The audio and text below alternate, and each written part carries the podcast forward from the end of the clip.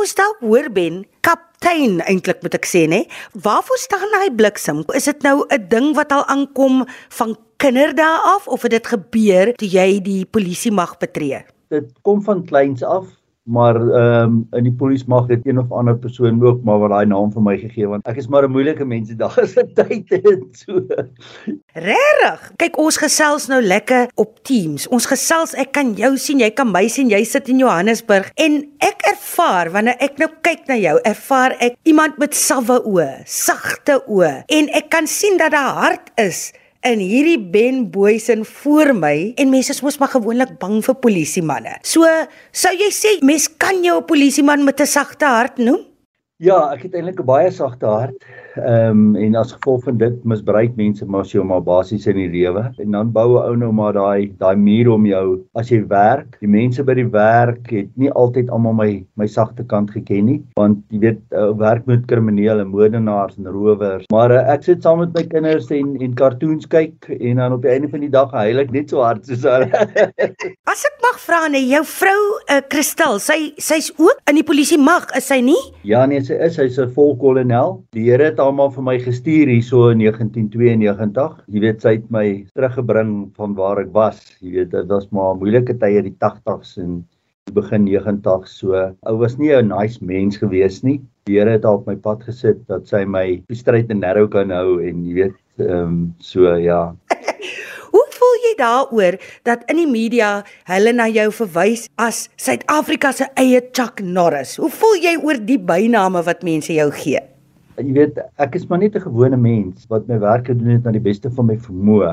En dit is eintlik vir my baie hartseer um, in ons land dat as as jy jou werk doen, dat mense jou op 'n pedestal sit. Dit gaan my verstand te bowe, maar dit is ook 'n teken dat mense soek iemand om na op te kyk. Hulle soek 'n hero. In die media as hulle praat, die polisie is net sleg, sleg, sleg, sleg en dan kom 'n polisieman en hy doen sy werk, jy dan dan is jy 'n superkop. Maar heroes en superkops en daai goed bestaan nie. Dit is dis fliek goed daai. Ook hierdie ding nadat jy daai saak aangevat het van die ek gaan hulle nou noem die Kreersdorp bende en jy vat daai saak aan in 2016. Trek hulle vas en toeskielik is die hele media op jou. Dit gaan vir jou uiteraard oor geregtigheid wat moet geskied. Dan moet mens nou maar nou hierdie media aandag ook nog hanteer. Sou jy sê jy's 'n man wat gefokus bly sonder om jou dan nou te steur aan wat ook al in die media gebeur. Ja, ek het in elk geval nie die koerantheid nipsels en daai goed gelees nie, jy weet. Daar sal altyd mense wees wat van jou hou en daar sal altyd mense wees wat altyd iets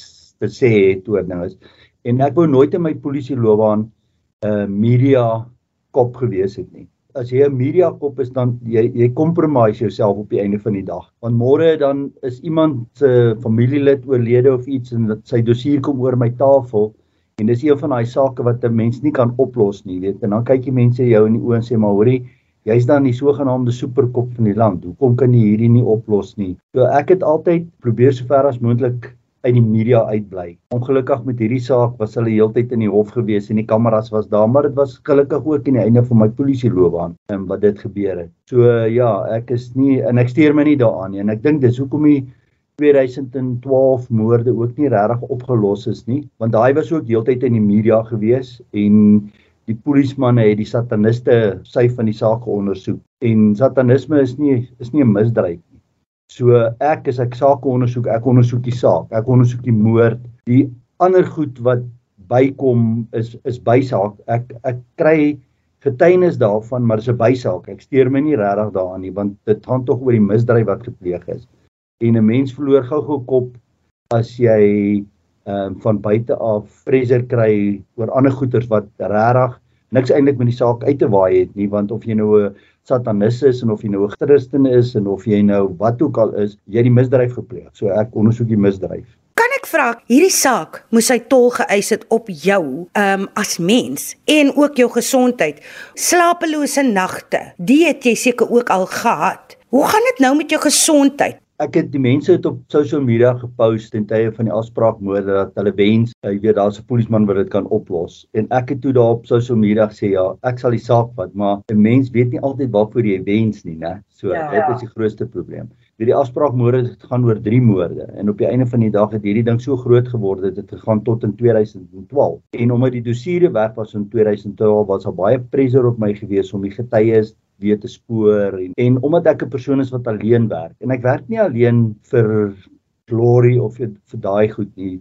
Die probleem is as daar 'n span is wat goed ondersoek en jy stuur 5 mense uit na 5 ander persone toe om verklaringe te neem. Dan verloor mense die goue draad van die ondersoek, verstaan? Want almal hoor sekere goed by die getuies, maar almal sit dit nie in in die verklaringe nie. En dis hoe ons geleer is as as speders. Jy weet jy ondersoek self jou saak. Jy kry die dokument in die oggend en jy ondersoek hom. Daar's nie 'n span soos op in Amerika op TV en daai goeters nie. Dit bestaan nie. So ja, op die einde van die dag het ek baie siek geword. Ek het bonkritis gekry en longontsteking ek dokter het my afgeboek, ek het nie afgegaan nie en eenoggend toe staan ek op, toe kan ek nie praat nie en toe sê my vrou, "Vandag gaan jy dokter toe." Ja, en sy het my dokter toe gevat en ek's dadelik opgeneem in die hospitaal en ehm um, die die dokter by my kom by die hospitaal, toe sê hy vir my, "Hoor jy, was 15 tellings af van totale hartversaking." So ja, dan tref dit jou soos 'n bom, jy weet, want ek is hierdie groot, fris, gesonde persoon en ehm um, skielik vertel hy jy kan nie meer gym nie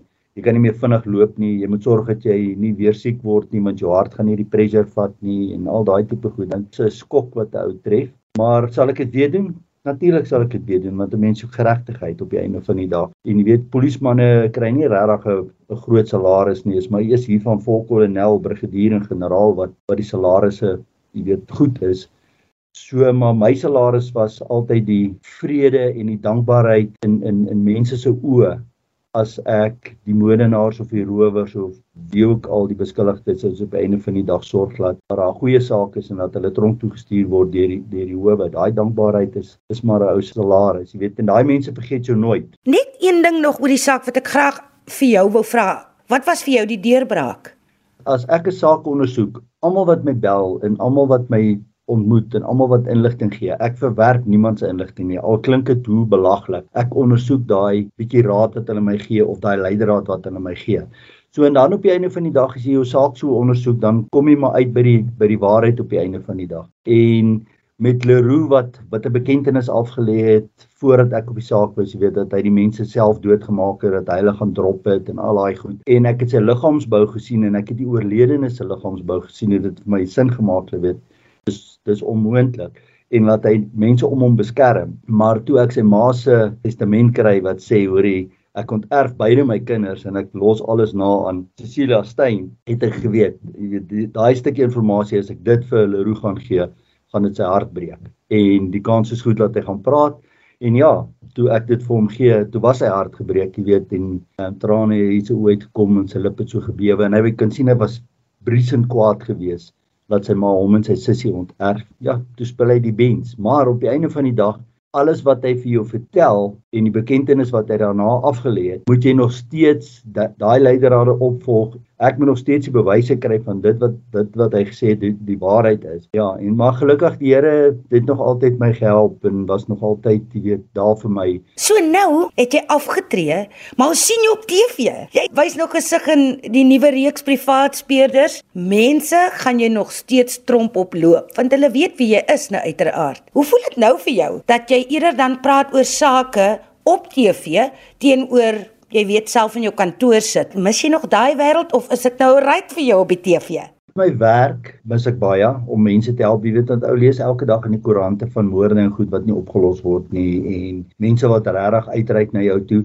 Ehm um, ek is op Facebook, so jy weet jy sal nie glo hoeveel mense stuur vir my uh messages op Facebook ek moet help met hulle pa of hulle tannie of hulle sussie se moord en daai goeters nie, maar jy weet 'n privaat speler het geen regte nie ehm um, en geen magte nie. So as jy 'n privaat speler word, moet jy saam met die polisie werk. Dit is nou maar ongelukkig net so. Jy kan nie lasbriewe uitreik nie, jy kan nie mense arresteer nie, jy kan nie 205 doen vir fone nie en al daai tipe goeters. En op die einde moet ek nog steeds daai dossier of daai inligting wat ek het, moet ek vir die polisie gee. Maar die publiek soek so graag iemand om te help dat hulle bereid is om privaat mense duisende rande te betaal om 'n saak op te los. Op die einde van die dag, hulle kan nie doen wat hulle kan doen. Dan dan is dit buite hulle hande en dit is vir my baie baie hartseer. Ek dink die regering moet bietjie wakker skrik en begin polisman aanstel wat polisieering doen. Kyk die VIP's, hoeveel polismanne is daar om een ou op te pas. Verstaan, dis belaglik. En ons kort iemand in die regering met 'n oop kop wat sê luister man, dit kan nie so aangaan nie. Ons moet nou 'n bietjie briek aandraai en ons moet werk skep. Hierdie boek wat onlangs bekend gestel is op die duiwelse spoor waar jy vertel oor hierdie saak, gaan jy nou boektoere doen of wat is jou plan daarmee of wil jy nou net ontspan? Ek is op die Bloemfontein Kunstefees gaan ek wees of ek moet nog Klerksdorp toe gaan ook 'n paar plekke.